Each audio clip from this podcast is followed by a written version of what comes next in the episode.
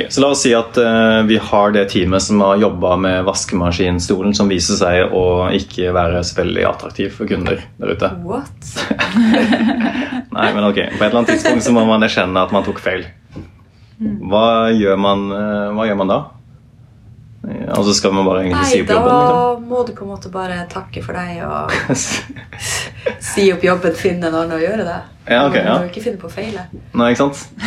Fordi det er ikke rom for å Nei, men La oss si du har puttet eh, på 100 millioner i å utvikle denne vaskemaskinstolen. vet du. Dyr stol. Ja, La oss si du har feilet eh, allerede på kundeorientering og hyppige læringssykluser her. da. Du har puttet 100 millioner på denne vaskemaskinstolen, og du, du står nå overfor ledelsen og sier eh, sorry, det var ingen som ville ha den. Vi har nå 200 vaskemaskinstoler på lager som vi ikke får solgt.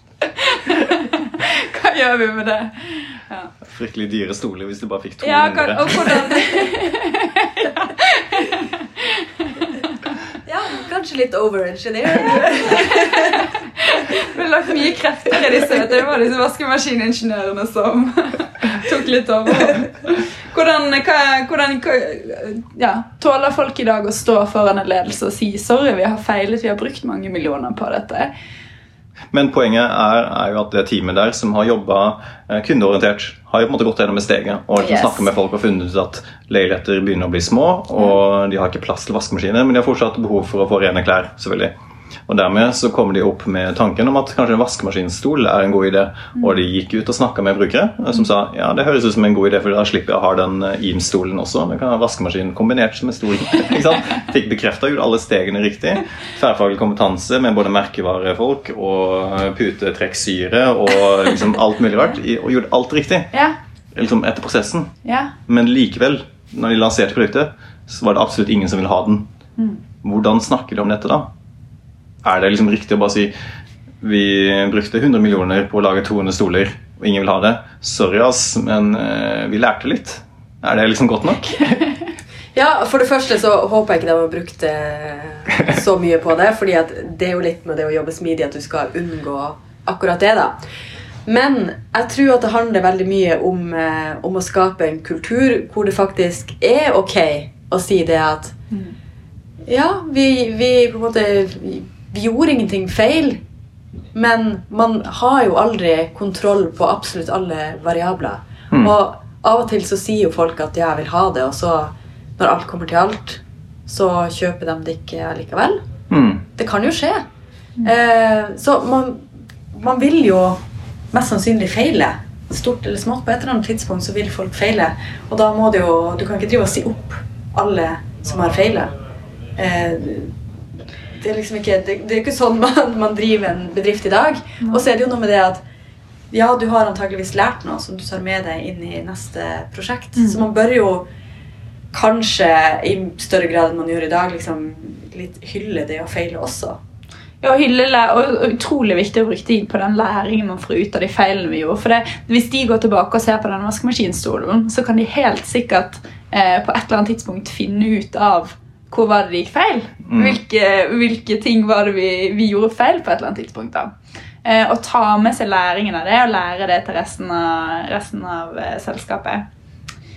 Og for å gjøre det så må man på en eller annen måte ha en eller annen forum eller en slags kultur hvor man kan snakke om at vi prøvde vårt beste, vi gjorde alle prosessstegene riktig, vi, gjorde, måte, vi sjekka av alle checkboxene og vi gjorde, prøvde så godt vi kunne, men det fikk ikke traction. Det handler egentlig om å gjøre en postmortem. da. Ja, og, tørre, og tørre å stå frem i selskapet og på en måte stå for at det ble feil. da, Og skape liksom den kulturen for at det er, det er lov å si at det var feil, uten at du blir straffet for det. Men man fokuserer heller på læringsbiten av det. da, Hva skal vi gjøre enda bedre neste gang? Det er kjempevanskelig, fordi jeg tror at eh, det er fortsatt ganske tabu, det å feile. Mm. Så vi ser jo at det er bedrifter som har begynt å snakke mer åpent rundt det. Vi har jo en sånn kanal på Slack i Vekk som heter Today I Fucked Up. Mm. Hvor folk har begynt å dele eh, på en måte tabber de har gjort. da. Eh, og det er jo en sånn ting som vil være med på å skape en kultur. Eh, og så må jo da måte, ledelsen eh, være med på det, sånn at det i hvert fall ikke blir noe sånn reprimande liksom, hvis du har gjort noe feil. At det ikke er sånn at fordi du feiler, så blir du bare satt på drittprosjekt fremover, eller at du føler at du blir straffa for det. ikke sant? Ja. Eh, fordi da vil jo det Jeg vil jo si at det, det er sånn her han eh, velbrukt begrep som heter eh, 'culture eat strategy for breakfast'. Nei, men ikke sant? Hvis du sier at ja, vi skal være smidige, og vi skal drive og utforske, og vi skal ta inn over oss brukerbehov, og vi skal teste, skape, teste, lære eh, I det ligger jo også da at eh, du tester ting, og så lærer du på godt og vondt. Enten så gikk det bra, eller så gikk det ikke bra. Og gikk det ikke bra, så har du på en måte feila. Mm. Og hvis du da begynner å slå ned på det, så er det jo ingen som tør å jobbe på en sånn utforskende måte. Så da slår du i hjel hele det på en måte, smidige organisasjon du har prøvd å bygge opp. da. Det er jo helt menneskelig å ville kjenne stolthet i det arbeidet du gjør eh, på jobb. Man har lyst til å prestere, man har lyst til å få ting til. Eh, og, men, men jeg tror her handler det da om å definere hva er det som du faktisk får til. Og læring ut av det å ha feilet kan være vel så verdifullt som å lykkes første gangen.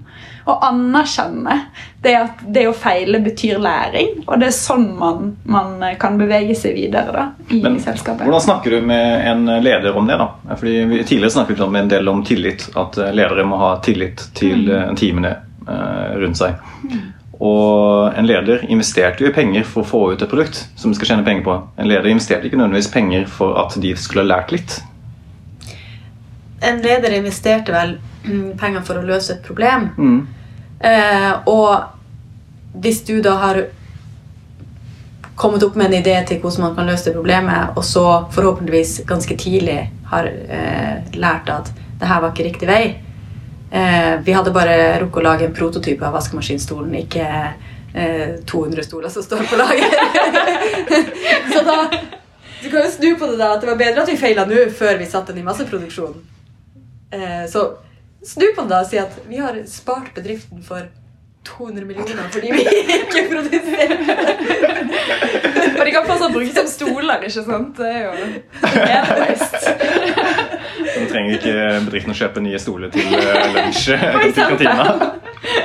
Nei, men altså, det er jo et mindset for hele bedriften. Det er ikke bare for de ansatte, det er jo for ledelsen også. Så ledelsen må jo være med, med på det tankesettet. da. Og så kjenner jeg liksom, jeg, så- så er jeg litt lei av det der eh, når, når folk er ute og snakker om For det skjer jo veldig mye, og det er på konferanser, og det er vondt å snakke om at man har feilet, så veldig mange har behov for å si sånn Vi feilet, men se så bra det ble til slutt. Likevel. Det er veldig mange historier som går på det. Ehm, men, men, men det er jo faktisk også å tørre å stå i ja, vi feilet, og vi har lært dette. Vi har ikke noen god løsning på akkurat de pengene som forsvant. eller sånn. Det å faktisk tørre å gjøre det og få på plass den kulturen i en bedrift, det tror jeg er Der har man et stykke å gå. da. Ok, Så hvordan gjør man det? Hvordan får man på plass en sånn type kultur?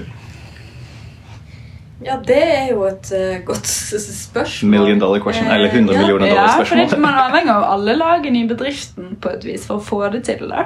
Ja. Mm. Og måten ledelsen er på, drypper nedover på ansatte eh, i bedriften.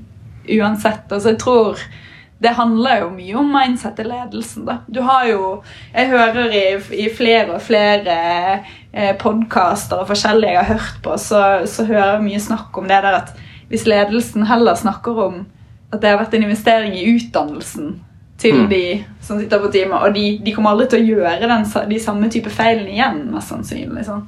For det de nå har lært, og de har brukt tid på å reflektere over det. Det er jo sånn, det er sånn interessant eh, perspektiv, da.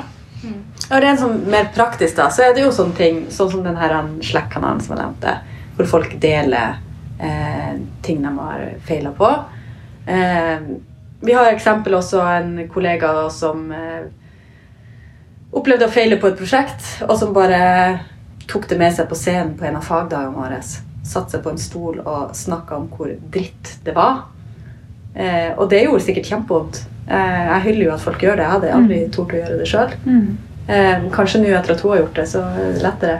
Eh, og det samme, vi hadde frokostseminar om OKR. Eh, kollega meg som presenterte det, som, som bl.a. viste en sånn prosess. Sånn innførte vi OKR. Og så var neste slide ikke gjør det sånn. For det funka ikke som det. og det er jo litt sånn Det er mange som tenker at herregud, det kan man jo ikke si, liksom, at eh, vi ikke gjorde det riktig første gang. Mm. Men tilbakemeldingene fra dem som var på det seminaret, var jo at eh, det her var befriende ærlig. Og det ga mer tillit til eh, oss som, som konsulenter, da, at vi også tør å si det. At eh, ja, eh, vi, vi gjorde det ikke helt riktig første gangen, men vi har jo da lært av det.